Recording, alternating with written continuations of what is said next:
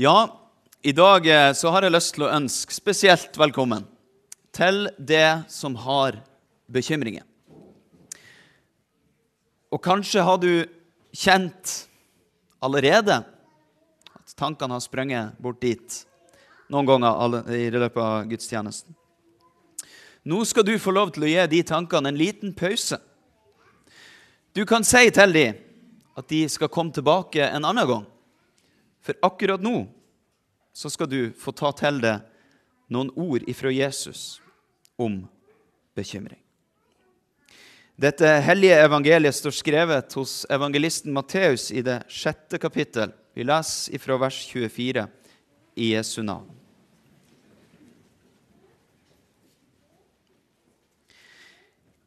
Ingen kan tjene to herrer. Han vil hate den ene og elske den andre, eller holde seg til den ene og forakte den andre. Dere kan ikke tjene både Gud og mammon. Derfor sier jeg dere, vær ikke bekymret for livet, hva dere skal spise eller hva dere skal drikke, heller ikke for kroppen, hva dere skal kle dere med. Er ikke livet mer enn maten og kroppen mer enn klærne? Se på fuglene under himmelen. De sår ikke, de høster ikke og samler ikke i hus. Men den far dere har i himmelen, gir dem føde likevel. Er ikke dere mer verdt enn de? Hvem av dere kan vel med all sin bekymring legge en eneste alen til sin livslengde? Og hvorfor er dere bekymret for klærne? Se på liljene på marken, hvordan de vokser. De strever ikke og spinner ikke. Men jeg sier dere, selv ikke Salomo i all sin prakt var kledd som en av dem. Når Gud kler gresset på marken så fint, det som gror i dag og kastes i ovnen i morgen, hvor mye mer skal han ikke da kle dere? Dere lite troende. Så gjør dere ikke bekymringer og si ikke 'Hva skal vi spise?' eller 'Hva skal vi drikke?' eller 'Hva skal vi kle oss med?' Alt dette er hedningene opptatt av. Men den far dere har i himmelen, vet jo at dere trenger alt dette. Søk først Guds rike og hans rettferdighet. Så skal dere få alt det andre i tillegg. Så gjør dere ingen bekymringer for morgendagen. Morgendagen skal bekymre seg for seg selv. Hver dag har nok med sin egen plage. Slik lyder Herrens ord. Hellige Far, hellige oss i sannheten. Ditt ord er sannhet. Amen.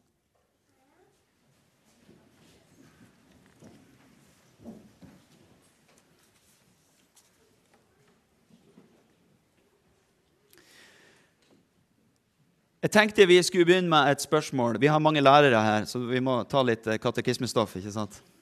Jeg tenkte vi skulle ta et spørsmål som Luther tar opp i sin store katekisme. I forbindelse med det første bud du skal ikke ha andre guder enn meg. Og det er det viktige spørsmålet. Hva er en gud? Vi har jo alle en forestilling om hva det må være, men en eksakt definisjon er kanskje litt vanskeligere å hoste opp. Så her skal dere få en ifra Store katekisme. En gud er den som en skal vente seg alt godt av, og som en skal ta sin tilflukt til i all nød, sier Luther. Det som ditt hjerte henger ved og setter sin lit til, det er altså din Gud. Det er litt interessant.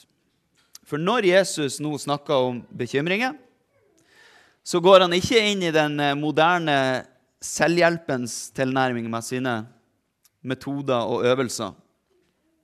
Jeg ga dere en sånn helt til å begynne med. At du, kunne si til bekymringstankene at de kan komme tilbake senere. Det fins eh, mange sånne nyttige tips som er veldig gode. Bruk de, for alt det er verdt. Men Jesus Legg merke til hva han gjør. Han setter fokuset en helt annen plass, nemlig på forholdet til Gud. La du merke til det? Han begynner med å problematisere det å ha to herrer. Det går ikke, det. Du kan ikke tjene både Gud og mammon. Ja, og han der mammon, da? Hvem er så det? Ja, det vil være riktigere å spørre hva er det for noe? For ordet mammon betyr ganske enkelt rikdom. Penger, verdisaker, det du eier og har. I utgangspunktet noe helt nøytralt. Men husk nå hva denne definisjonen av en gud er. Henger vårt hjerte ved rikdommen vår? Er det den vi setter vår lit til? Ja, da er det vår Gud. Og da er det en avgud. Og da bærer det skjevt av sted. Når vi skal gripe an bekymringene, så må vi altså begynne med gudsforholdet. Søk først Guds rike og hans rettferdighet. Så skal dere få alt det andre i tillegg.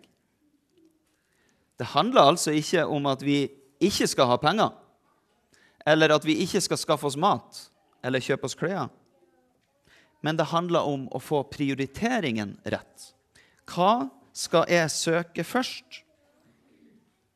Og jeg kan jo bare si for min egen del Hvor mange ganger har ikke jeg gjort meg bekymringer for så mange ting før jeg kommer på Har jeg lagt det her framfor Herren i bønn?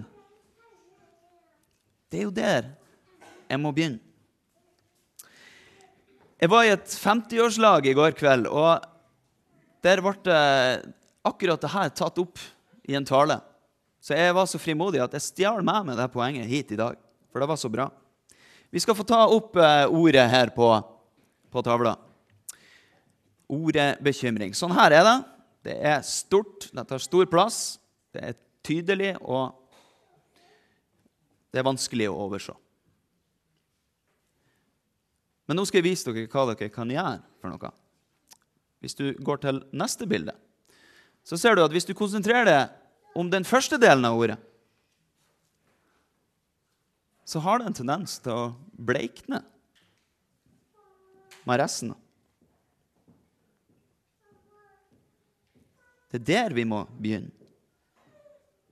For bønn er jo nettopp en måte å søke Guds rike først på. For vår Gud, han er en omsorgsfull far.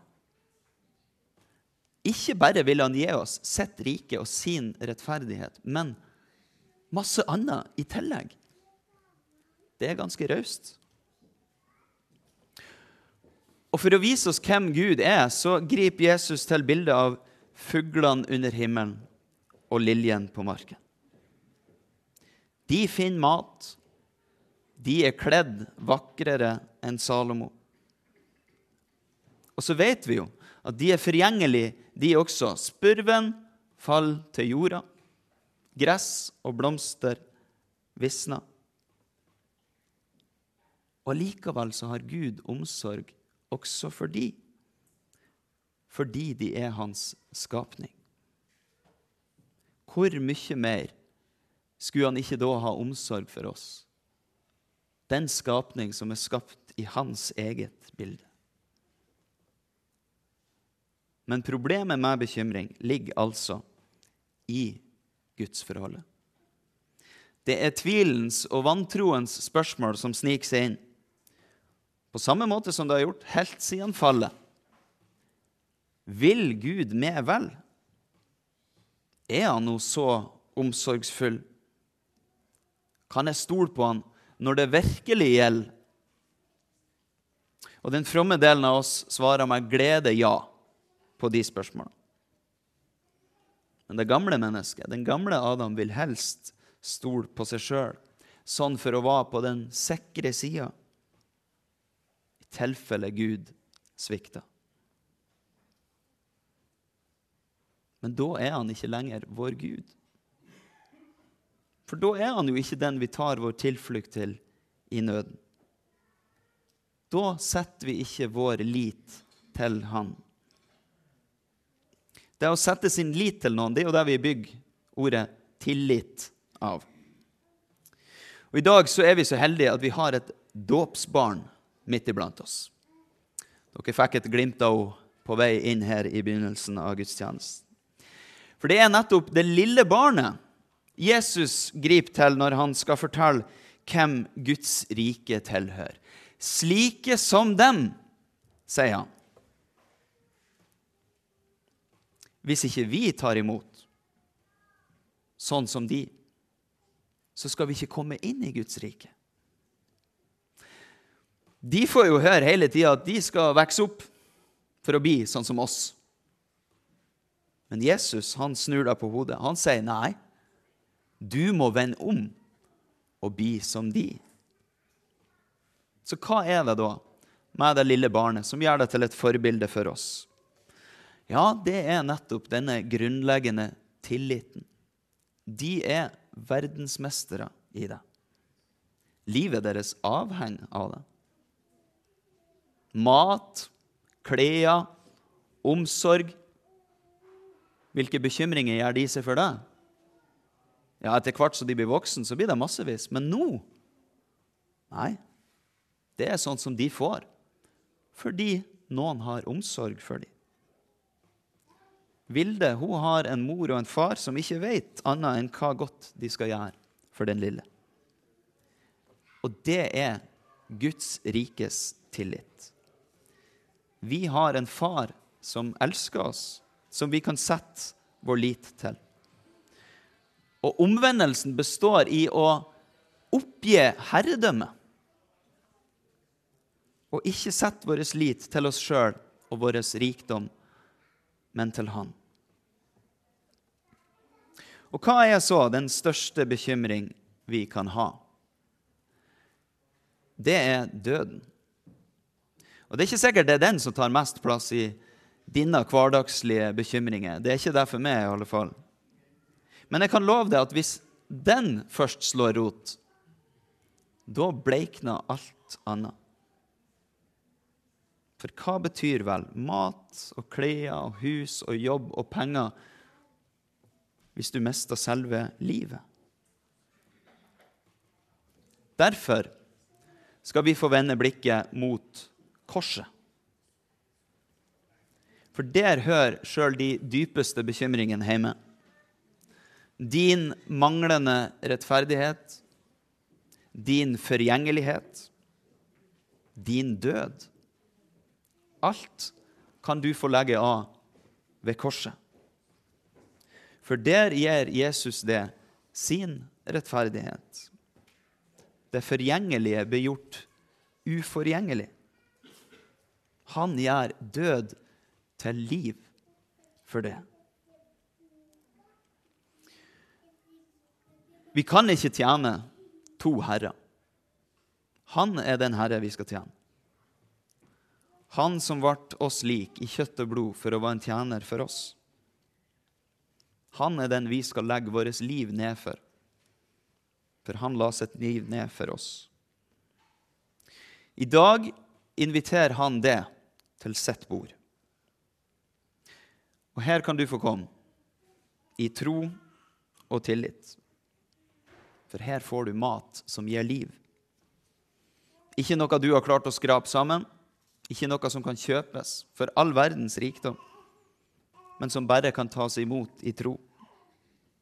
Når han sjøl sier 'Dette er min kropp, dette er mitt blod', da kan du få stole på han. At det han har gjort, er nok for det. At det han har gitt, kan du få ta imot. Til lykke og salighet. Ære være Faderen og Sønnen og Den hellige ånd, som var, er og være skal en sann Gud fra evighet til evighet. Amen.